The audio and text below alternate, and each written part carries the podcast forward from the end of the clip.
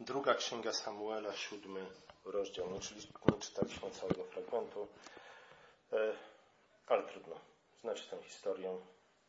Siódmy, e, siódmy rozdział drugiej księdze Samuela znajduje się w kontekście tekstów, które mówią o panowaniu Dawida, o jego dojściu do władzy, o jego wojnach i o podobnych działaniach. Tydzień temu mówiliśmy o sprowadzeniu Arki Przymierza do do Jerozolimy. Mówiliśmy o tym, że ten szósty rozdział, a dzisiaj w zasadzie powinniśmy dodać również siódmy rozdział, są, są tymi centralnymi rozdziałami e, pierwszej i drugiej księgi Samuela, które stanowią jedną, całą, jedną całość.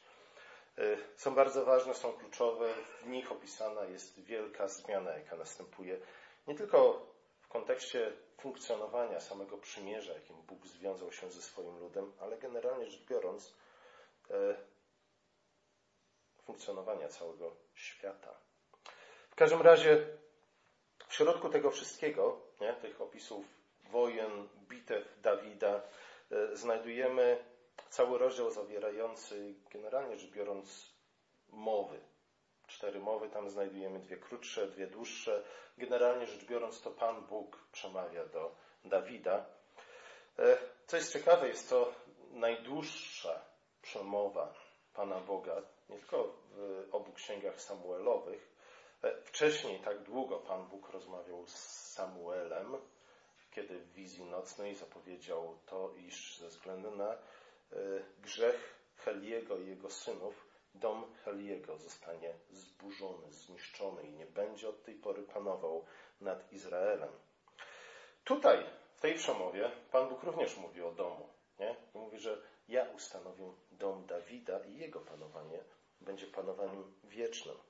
Ale jest e, ta przemowa Pana Boga, którą znajdujemy w siódmym rozdziale drugiej księgi Samuela, jest też najdłuższą przemową, wystąpieniem Pana Boga od czasu, kiedy Mojżesz spotkał się na Synaju.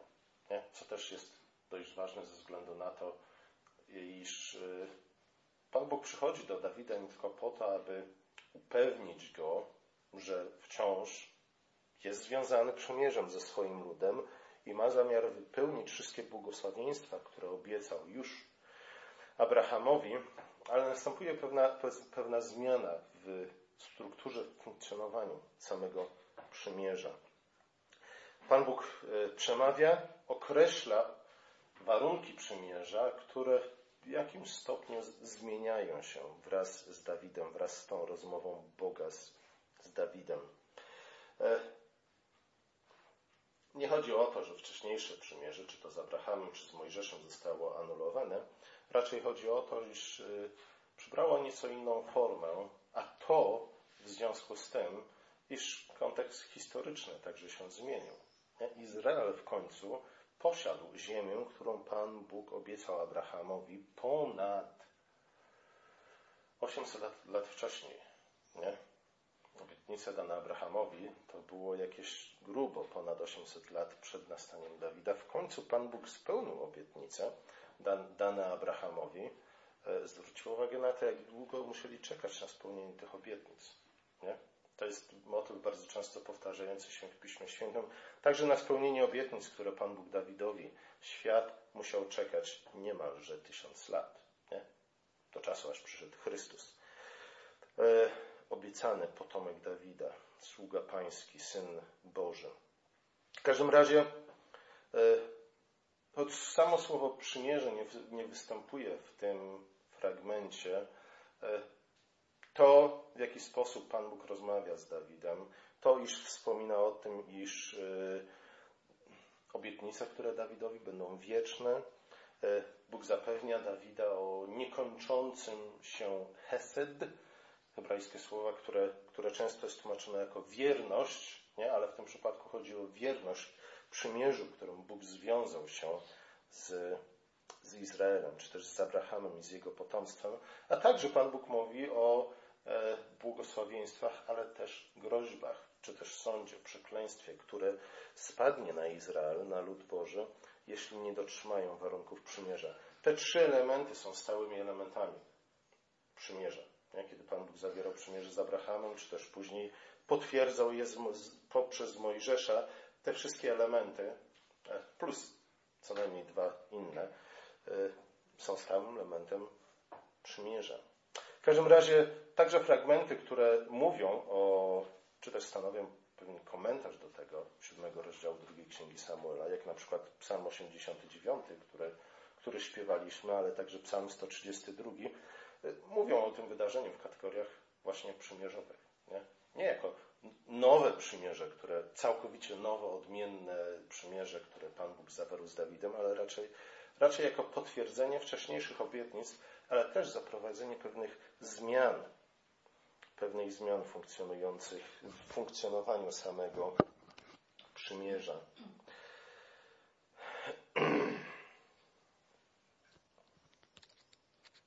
Między, między wydarzeniami opisanymi w szóstym rozdziale drugiej księgi Samuela, czyli w rozdziale, który opisywał, opisuje sprowadzenie Arki Przymierza do Jerozolimy, ustanowienie tam tymczasowego przybytku, czy też namiotu spotkania, namiotu, w którym Arka na jakiś czas zamieszkała, do czasu aż Salomon zbudował przymierze, a tym siódmym rozdziałem e, minęło trochę czasu.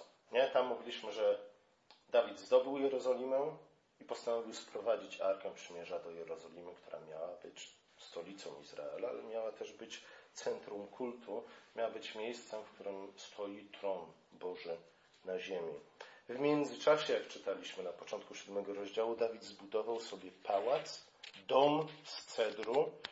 E, jego wrogowie nie niepokoili go, był to czas spokoju, odpoczynku i tak dalej, i tak dalej. Później, co prawda, w siódmym rozdziale, w ósmym rozdziale czytamy o, o walkach, o wojnach, które toczył, e, które toczył Dawid, ale nie będę tego w szczegółach wyjaśniał. Jest to jakby retrospektywa. Nie? E, wydarzenia nie są wpisane tutaj w porządku chronologicznym. To, o czym czytamy w ósmym rozdziale, jest raczej odnosi się do wydarzeń, które miało miejsce wcześniej. Dlaczego to tak, a nie inaczej zostało zaaranżowane? Długo by o tym mówić. E, chodzi między innymi o to, aby uwypuklić te dwie rzeczy, nie? abyśmy na nich się skoncentrowali i, i traktowali je jako kluczowe nie tylko w życiu Dawida, ale także w historii ludu Bożego, a mianowicie sprowadzenie Arki do Jerozolimy, czy też wcześniej zdobycie Jerozolimy, sprowadzenie Arki i ta rozmowa, w której Pan Bóg y, obiecuje Dawidowi zbudować dom. E, kiedy już Dawid i oczywiście Pan Bóg poprzez Dawida zapewnili pokój Izraelowi, Wtedy Dawid doszedł do wniosku, że nadszedł właściwy czas po to, aby zbudować dom dla imienia pańskiego, czyli świątynię. Świątynię, w którą mogłaby zamieszkać arka przymierza, świątynię, w którą mogłaby zamieszkać chwała pańska. Dawida myślenie tutaj jest generalnie rzecz biorąc bardzo poprawne, nie? dlatego że ogólnie rzecz biorąc w ten sposób wygląda ludzkie życie. E, Adam miał pracować przez sześć dni i siódmego dnia miał odpocząć, ciesząc się owocami swojej pracy. Czy też pracy innych ludzi, nie? którymi owocami pracy innych ludzi, którymi się mógł wymieniać, albo mógł też przyjąć, albo obdarzyć innych ludzi. W ten sposób wygląda nasze życie. Dekalog potwierdza to. Nie? Czytamy w dekalogu, iż mamy pracować sześć dni, też jest przykazaniem, i siódmego dnia odpocząć. Tak ma wyglądać ludzkie życie. Oczywiście upadek Adama coś tutaj zmienił, ponieważ o ile przed upadkiem Adama wyglądałoby to mniej więcej w ten sposób, nie? iż zmagamy się, wciąż w naszym życiu miałoby miejsce praca i zmaganie się. Nie? Zmaganie się z materią, nad którą pracuje, pracowalibyśmy, z naszą własną niewiedzą i brakiem dojrzałości, nie, ale, ale generalnie rzecz biorąc, do tego Pan Bóg nas wezwał, abyśmy, abyśmy poznawali świat coraz lepiej, abyśmy strzegli go, abyśmy też wykonali jakąś pracę nad tym światem, przemieniając go z chwały w chwałę, na podobieństwo tego, jak to Pan Bóg czynił przez sześć dni stworzenia. Kiedy pojawił się, się grzech, kiedy wraz z upadkiem Adama, oczywiście e, nie przestaliśmy pracować, e, nie przestaliśmy zmieniać świata z chwały w chwałę. Czasami niestety jest to fałszywa chwała, której szukamy i fałszywa chwała, którą tworzymy przy pomocy tego, co Bóg dał nam w ręce. Ale do tego wszystkiego doszła jeszcze wojna. Nie? Wojna e, polegająca nie tylko na tym, że stworzenie przestało współpracować z nami, tak jak do tej pory to czyniło. E, wcześniej Adam nazwał zwierzęta, czegoś nauczył się od tych zwierząt. Nie było żadnej wrogości między człowiekiem a stworzeniem. Od tej pory jednak Ziemia, czy też stworzenie nie chce z nami współpracować, jak do tej pory. Ale co gorsze, ludzie zaczęli kłócić się nie tylko z Panem Bogiem, ale też prowadzić wojny między sobą. Kain i Abel najlepszym przykładem są tego. Od tej pory więc tak to wygląda. Nie? Wojna. Jeśli Pan Bóg nam pobłogosławi i obdarzy pokojem, nie? to pokój jest właśnie tym momentem, w którym nie tylko możemy cieszyć się końcem wojny, ale przede wszystkim możemy cieszyć się, znaleźć w końcu odpoczynek, czy też odpocznienie w Panu Bogu. E, niemniej jednak jest to ten sam schemat. Nie? Zaburzony przez upadek Adama, ale najpierw praca, czy też walka. Pracę można nazwać walką, nawet pracą, w której nie ma żadnego elementu grzechu, nie? też jest jakąś walką, też jest jakimś zmaganiem się e, z materią, z niewiedzą, z brakiem doświadczenia, z wieloma różnymi rzeczami, nie? Ale to wszystko prowadzi nas do czego? Do szabatu, do odpoczynku, nie? Ale nie jest to tylko odpoczynek, którego, który polega na tym, że mogę zapomnieć o tym, co robiłem, nie? To jest odpoczynek raz, e, którego doświadczamy dzięki owocom naszej pracy, Odpoczynek, który w ostateczności jest oczywiście skutkiem błogosławieństwa Bożego. E, nie byłoby owoców żadnej pracy, gdyby Pan Bóg nie umożliwił nam wykonanie tej pracy i nie pobłogosławił tej pracy. Nie? Więc w ostateczności możemy odpocząć, tudzież, czy to od naszej pracy, czy też od walki z naszymi wrogami, dzięki temu, że Pan Bóg nam błogosławił. Nie? I tutaj w historii, w dziejach y, Dawida widzimy to samo. Dawid walczył ze swoimi wrogami, czy z wrogami ludu Bożego, dlatego że Pan Bóg powołał go do tej walki. Nie? Ale Pan Bóg też mu błogosławił w tej walce i dlatego w końcu Dawid mógł pokonać swoich wrogów i nadszedł ten czas odpoczynku, wytchnienia od walki, od wrogów. E, I co jest pierwszą myślą, która przychodzi Dawida w tym momencie? Jest prowadzenie arki. Ale potem Dawid mówi, arka nie może być w namiocie, nie? Arka powinna mieć porządny dom. Ja mieszkam w pałacu, Pan Bóg także powinien zamieszkać w pałacu. Rozumowanie jak najbardziej właściwe. Nie? Przyszedł czas do tego, abyśmy razem z Panem Bogiem cieszyli się tym odpoczynkiem, tym wytchnieniem, które nam dał. Nie? A więc znów od pracy, czy też od zmagania się, od walki do odpoczynku, do odpoczynku, który generalnie rzecz biorąc koncentruje się na Panu Bogu, na tym, co dla nas uczynił, a także na obietnicach, które jeszcze czekają spełnienia. Nie? Praca i uwielbienie. To Benedykt powiedział chyba, nie? Ora et labora. E, przy czym w zasadzie powinniśmy to odwrócić w drugą stronę, nie? Praca i modlitwa, czy też uwielbienie Boga, ale z drugiej strony wiemy, że odpoczynek, który Pan Bóg nam daje, daje nam po to, aby też nie tylko abyśmy mogli razem z Bogiem skonsumować owoce naszej pracy, ale także, żeby wyposażyć nas, przygotować nas do kolejnego tygodnia pracy. E,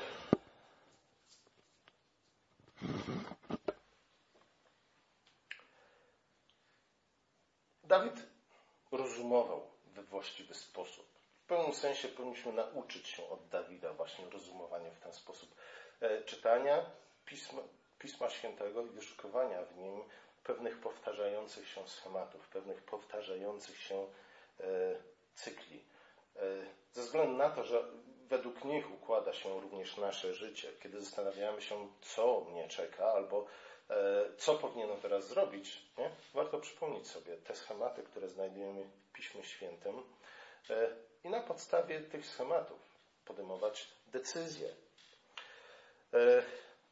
A jednak, kiedy Dawid najpierw porozmawiał z prorokiem Natanem, który wbrew temu, co twierdzą niektórzy liberalni teologowie, nie był takim nadwornym prorokiem, który, któremu Dawid płacił za to, żeby Natan mówił mu to, co król chciał usłyszeć. Nie? Zwykle to niestety tak funkcjonuje, że y, prorocy, księża, pastorzy, arcybiskupi, archiepiskopi temu służą. Nie? Dostają od państwa pieniądze po to, żeby mówić państwu to, co ono chce usłyszeć. W tym przypadku tak nie jest, nie? dlatego że wiemy, iż ten sam prorok Natan jest prorokiem, który później, kilka rozdziałów później, jeśli dobrze pamiętam, cztery rozdziały później, przyjdzie do, do króla Dawida i ostro go napomni ze względu na to, co Dawid zrobił z Batrzebą. E, nie był to więc prorok, który był jak lusterko. Nie? Lusterko, w którym król Dawid się przeglądał i któremu odpowiadało dokładnie to, co król sam chciał wypowiedzieć. Nie, to, to nie był taki człowiek. Ale Dawid postępuje w właściwy sposób. E, mówi, Pan Bóg dał nam pokój, Pan Bóg dał nam wytchnienie, zdobyliśmy Jerozolimę, sprowadziliśmy Arkę, ja mieszkam w pałacu, cóż jeszcze powinienem zrobić? Zbudować dom dla imienia Pańskiego. E, skonsultował się z prorokiem, nie, który był prawdziwym prorokiem, czy też prawdziwym przyjacielem, e, który potrafił rozmawiać z królem w sposób szczery, a nie tylko kadząc mu. E, I prorok powiedział tak, jak najbardziej. Wydaje mi się, że jest to dobry i właściwy pomysł. Plany Dawida były dobre, plany Dawida były wielkie, jego motywacje były godne podziwu, nie? były wyrazem prawdziwej wdzięczności i przejawem prawdziwej mądrości. A jednak Pan Bóg przychodzi najpierw do proroka, a później prorok przekazuje te słowa Dawidowi i Dawid w końcu rozmawia sam z Panem Bogiem. I Pan Bóg mówi, Dawidzie, Twoje plany są wielkie i dobre i mądre i godne podziwu, altruistyczne i tak dalej, i tak dalej. Niemniej jednak są to złe plany. Nie? Ta historia powinna nam, nas między innymi, oczywiście są wiele ważniejsze sprawy, o których mówi ta historia, ale między innymi ta historia powinna nas nauczyć z jednej strony, w jaki sposób mamy podejmować decyzje, ale z drugiej strony powinna nas nauczyć tego, że zawsze powinniśmy zachować pewien dystans w stosunku do samych siebie, a już przede wszystkim w stosunku do naszych planów. Nie? Często niestety jest tak, że nasze plany są trochę jak nasze dzieci zrodzimy je, spłodzimy je. Potem jakkolwiek, cokolwiek, cokolwiek by te dzieci nie zrobiły i tak je kochamy, jesteśmy pobłażliwi i będziemy je bronić do, do upadłego, nie? Nawet jeśli te dzieci nie za bardzo postępują, zachowują się tak, jak powinny, nie? E, często jest tak z naszymi planami, z naszymi decyzjami, nie? ponieważ są nasze, ponieważ, tak jak w przypadku nawet Dawida, możemy powiedzieć, że te plany są oparte to nauczanie Pisma Świętego traktujemy jak nasze dzieci. Nie pozwolimy nic złego na ich temat powiedzieć. Broń Boże, żeby ktoś dał im klapsa albo coś takiego, napomniał. E, są nasze. Będziemy je bronić do upadłego, jak socjalizmu w poprzedniej epoce. Nie? E, warto. Nie? Jeśli Dawid miał ten dystans do siebie, jeśli Dawid miał ten dystans do swoich planów, warto, żebyśmy może też nabrali takiego samego dystansu do samych siebie i do planów, które mamy. Nawet jeśli są mądre, jesteśmy w stanie argumentować na ich rzecz w oparciu o nauczanie Pisma Świętego. I to nie, nawet nie kilku wyrwanych wersetów, no ale całych schematów, które znajdujemy w Piśmie Świętym.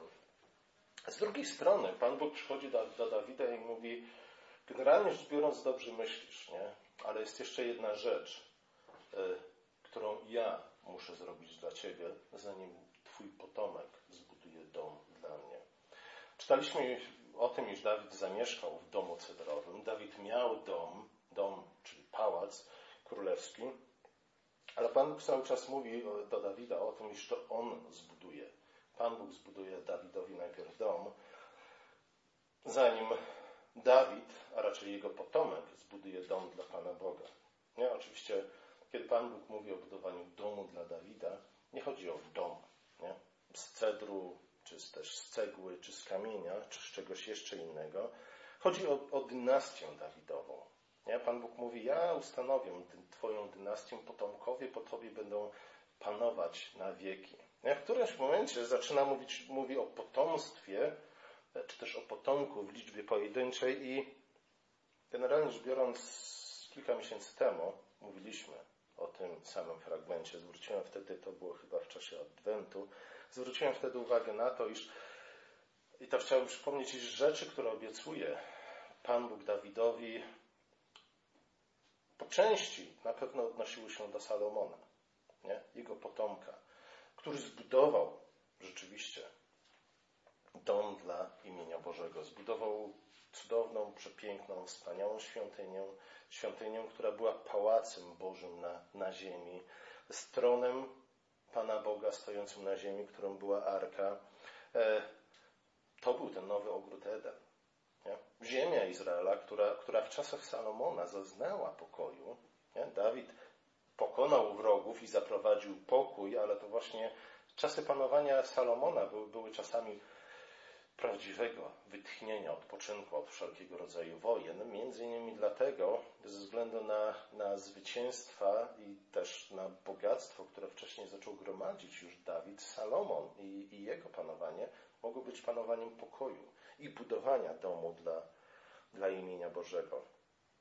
Ziemia Izraela stała się jak, jak nowy Eden, jak nowa ziemia Eden. Wszyscy żyli spokojnie, każdy zajmował się swoimi sprawami, król budował wspaniałą świątynię.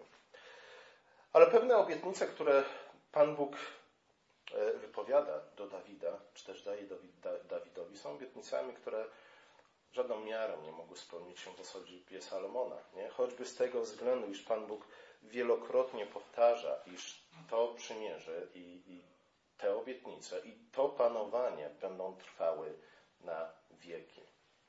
Nie? Oczywiście jako chrześcijanie wiemy, że, że tą osobą, w której wypełniły się te wszystkie obietnice, jest Jezus Chrystus. Jezus Chrystus, który nazywany jest synem Dawida, Jezus Chrystus, który nazywany jest synem Bożym. Dawid był synem Bożym, dlatego Chrystus jest, e, czy też potomek, o którym mówi Pan Bóg, jest nazywany synem Bożym, dlatego Chrystus był nazywany synem Bożym. Kiedy, kiedy Chrystus w Ewangeliach nazywany jest synem Bożym, to musimy interpretować te słowa przede wszystkim w kontekście tej rozmowy między Bogiem a Dawidem, która odbyła się w drugim rozdziale, w siódmym rozdziale drugiej księgi Mojżeszowej. Pewna zmiana, jaka następuje w funkcjonowaniu przymierza, polega na tym, iż o ile do tej pory, o ile do tej pory cały Izrael był nazwany Synem Bożym, y, o tyle od czasów Dawida Synem Bożym nazywany jest król potomek Dawida. Salomon był w tym sensie synem Bożym, a także nikczemny Manases, który był potomkiem Dawida, w którymś tam pokoleniu zasiadał na tronie w Jerozolimie, także w tym sensie był synem Bożym. Ten, ten język yy, adopcyjny, nie, mówiąc o synostwie Bożym, do tej pory używany był, odnoszony był do, odnosił się do całego Izraela. Do tej pory te obietnice, które Bóg dał Izraelowi, skoncentrowały się na, skupiły się na jednej osobie, na osobie króla. I dlatego też od tej pory los Izraela zależeć będzie e, od postępowania króla. Albo jego prawości, albo też od jego e, nikczemności. Jeśli król będzie królem pobożnym, całemu ludowi będzie się dobrze powodziło. Jeśli król będzie królem złym, cały lud poniesie tego konsekwencje. Nie znaczy, że nie miało to znaczenia, w jaki sposób postępowali członkowie ludu Bożego.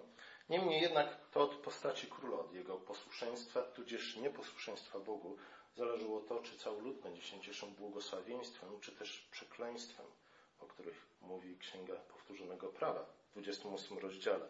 Syn Dawida, sługa Boży, Syn Boży, stał się nowym Adamem, nowym reprezentantem nie tylko całego ludu Bożego, ale jak widzimy z dalszej części siódmego rozdziału, generalnie rzecz biorąc, całej ludzkości. Nie? I stąd też Nowy Testament nie? mówi o Chrystusie w ten, a nie w inny sposób. E, mu, czytaliśmy nawet w liście do Efezjan w drugim rozdziale dzisiaj o tym, iż e, to w Chrystusie jest stworzone co? Jeden nowy człowiek. Nie? Ciekawe. Nie jest stworzona jedna nowa ludzkość, ale jest stworzony jeden nowy człowiek. Chrystus ze względu na to, że Chrystus reprezentuje całą ludzkość. Nie? W nim, w Nowym Adamie, stworzony jest cały nowy człowiek. E, później pierwszy list do Koryntian. Nie? Paweł mówi o Kościele, czyli o nowej ludzkości, o nowym Adamie w ten sam sposób. Chrystus jest głową tego nowego człowieka, my jesteśmy ciałem tego nowego człowieka. Przykład tego, w jaki sposób to, to funkcjonowało, wiemy, znajdujemy dalej w księdze drugiej Samuela, w księgach kronik, a zwłaszcza królewskich. E, kiedy Salomon zgrzeszył, kiedy Salomon odstąpił pan, od Pana Boga, jaka była tego konsekwencja? Pan Bóg mówi, odbiorę Ci królestwo. Ale co to oznaczyło? Znaczyło to to, iż królestwo, lud Izraela został podzielone nie? na królestwo południowe i północne. Północne królestwo pogrążyło się w znacznej mierze w bałwochwalstwie. Nigdy generalnie rzecz biorąc nie zostało później zjednoczone, przynajmniej nie w tej formie jednego królestwa. E, cały lud, cały Izrael musiał ponieść konsekwencje grzechu Salomona. E, z drugiej strony, kiedy król Ahab uniżył się przed Bogiem, pokutował przed Panem Bogiem, Pan Bóg nie tylko przebaczył mu i pobłogosławił, ale także obiecał, iż dopóki król Ahab będzie żył, e, żadne nieszczęście nie tknie Izraela. E, moglibyśmy podawać wiele przykładów, nie? ale zobaczcie, w jaki sposób to odnosi się do Chrystusa i jego dzieła na krzyżu. Nie? To właśnie ze względu na to, że On jest naszym reprezentantem, że, że On jest tym nowym Adamem, dlatego też skutki Jego śmierci na krzyżu mogą stać się naszym udziałem. Nie? Możemy cieszyć się pojednaniem, przebaczeniem grzechów, błogosławieństwem Bożym ze względu na to, że e, ten, który jest naszym reprezentantem, ten, czyli Jezus Chrystus, dokon, e, dochował wierności, nie upadł, nie zgrzeszył w niczym. E, dlatego Pan Bóg mu pobłogosławił, dlatego Pan Bóg wywyższył go ponad resztę stworzenia, nie? a w nim, czy też z nim, także nas.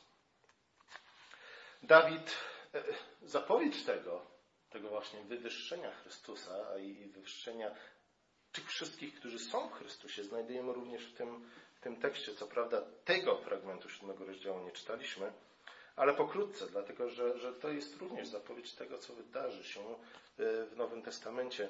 Czytamy o tym, iż po wysłuchaniu proroka Natana Dawid wszedł i usiadł przed Panem. W naszych tłumaczeniach to nie jest takie jednoznaczne.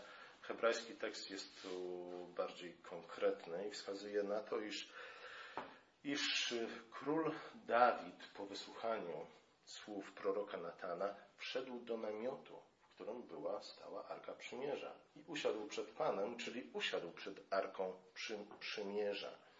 E, coś podobnego zwykł czynić Mojżesz. Pamiętacie, namiot spotkania. Było coś takiego jak namiot spotkania. Nie mylić z przybytkiem, który zbudował Mojżesz, w którym była arka. Ale tam w tym namiocie spotkania właśnie Mojżesz spotkał się z Panem Bogiem i rozmawiał z Nim.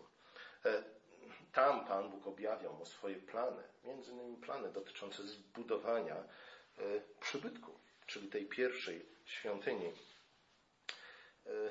Dawid czyni coś podobnego wchodzi do tego namiotu i siada przed Arką Przymierza. Jeśli coś pamiętamy na temat tego, w jaki sposób funkcjonował zarówno przybytek, jak i później świątynia, to powinno nas bardzo zdziwić. Nie? Dlaczego, dlaczego król Dawid przed Arką? Żaden kapłan w Starym Testamencie nie miał prawa nie tylko siadać przed arką. Pamiętam, że do miejsca najświętszego, w którym była arka, mogli wchodzić tylko raz w roku arcykapłani. Arcykapłan raz w roku. I na pewno nie siadał przed arką, czy to, żeby się na nią popatrzeć, czy po to, żeby porozmawiać z Panem Bogiem.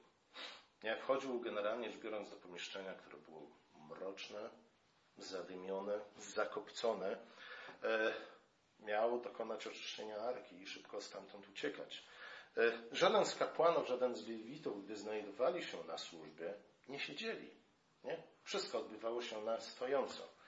E, między innymi z tego względu, jeśli pójdziecie kiedyś na nabożeństwo prawosławne, takie prawdziwe prawosławne, nie usiądziecie.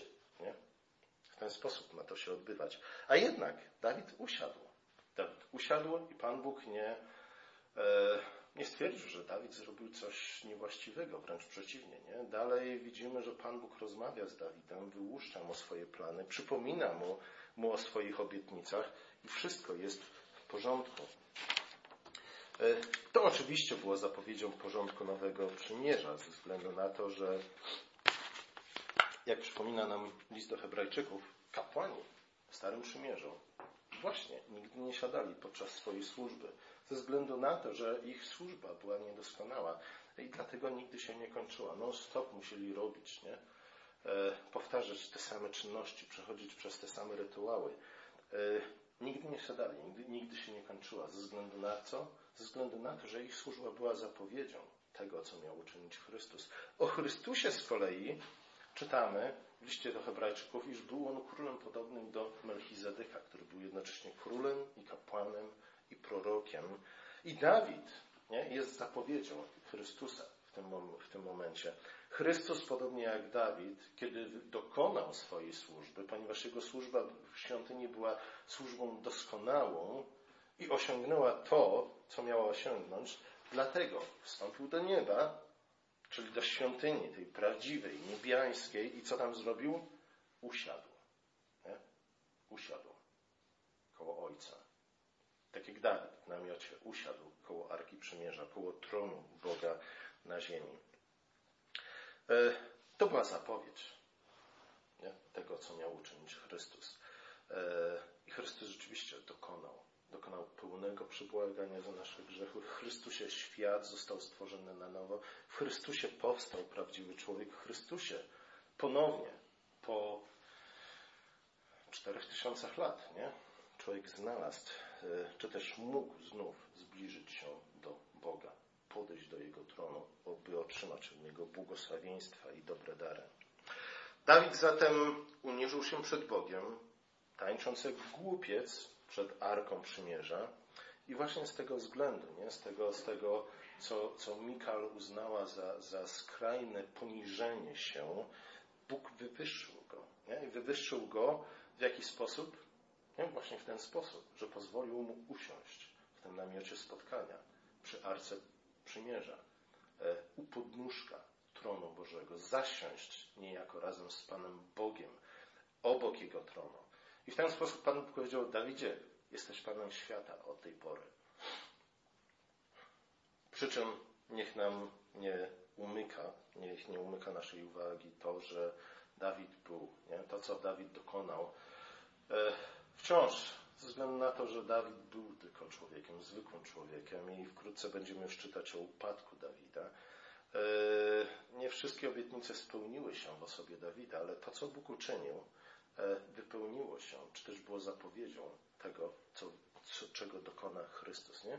List do, do Filipian, e, drugi rozdział mówi właśnie nam o czymś takim. Chrystus uniżył się, uniżył się tak bardzo, iż iż ludzie zaczęli nim gardzić i mówić, że nie znajdują w nim niczego godnego pochwały ani godnego uwagi. I właśnie z tego względu Pan Bóg wywyższył go ponad całe stworzenie, posadził go na tronie tuż obok, obok siebie, po, po to, aby panował nad całym stworzeniem.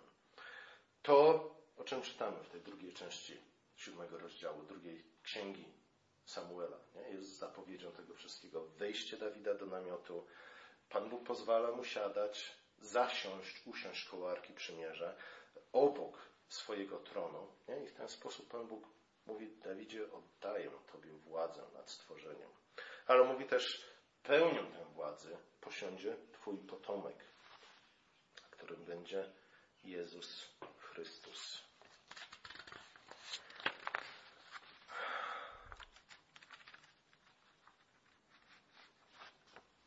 Chrystusie my dostępujemy tego samego zaszczytu. Nie? W Chrystusie również my możemy zasiadać po prawicy Bożej, po to, abyśmy w Chrystusie sprawowali panowanie nad światem, czyli generalnie rzecz biorąc wypełnili zadanie, które Pan Bóg powierzył na samym początku Adamowi i Ewie. E, to jednak, co się dokonało w pełni w Chrystusie, wciąż dzieje się w naszym życiu. Nie? Dawid dostąpił niesamowitego zaszczytu, zaszczytu, o którym, którego generalnie rzecz biorąc, wyższego zaszczytu żaden człowiek dostąpić nie mógł. Dawid w bardzo dosłownym znaczeniu znalazł się na szczycie tego świata. Nie? Bóg wywyższył go nad całe pozostałe stworzenie. Był synem Bożym, My jesteśmy synami Bożymi, dziećmi Bożymi. Poprzez Niego Bóg miał zrealizować swój plan dla ludzkości. Do tego my jesteśmy powołani, abyśmy reprezentowali Chrystusa tu na ziemi. Nie? Abyśmy zaprowadzali Jego porządki tu na ziemi. Jednak, nie, nie zapominajmy o tym, im wyżej Dawid zaszedł, tym większy był jego upadek. I niestety następne, następne rozdziały będą przygotowywać nas powoli na to, na upadek domu Dawida. A jednak ze względu na obietnicę Boże, choć dom Dawida upadł, nie? Pan Bóg nie pozwolił, by zniknął, czy też zginął doszczętnie. Później, już po tym, kiedy, w czasach, kiedy żaden potomek Dawida nie zasiadał na, na tronie w Jerozolimie, prorocy wciąż w imieniu Pana Boga przychodzili i zapewniali swój lud, iż e, choć pień jest sego, wydaje się martwy, ścięty, nie ma na nim nic zielonego, to jednak Pan Bóg pobudzi go do nowego życia nie? i sprawi, że wyrośnie ta odrośl z pienia Jessego, ten nowy Dawid, którym jest Chrystus. Pomódlmy się. Nasz drogi łaskawy Ojcze, dziękujemy Ci za e, przymierze, którym związałeś się z Dawidem. Dziękujemy Ci za to, iż wypełniłeś te obietnice dane Dawidowi e, w osobie Twojego Syna, Jezusa Chrystusa. Dziękujemy Ci za to, że wraz z Nim wniosłeś nas nad, e, na szczyt stworzenia. Prosimy Cię o to, abyśmy pełnili tę służbę, do której nas powołałeś w sposób mądry i wierny Tobie. Zawsze dziękując Tobie za wszystko, co już uczyniłeś w naszym życiu i za to wszystko, co jeszcze w nim uczynisz. Amen.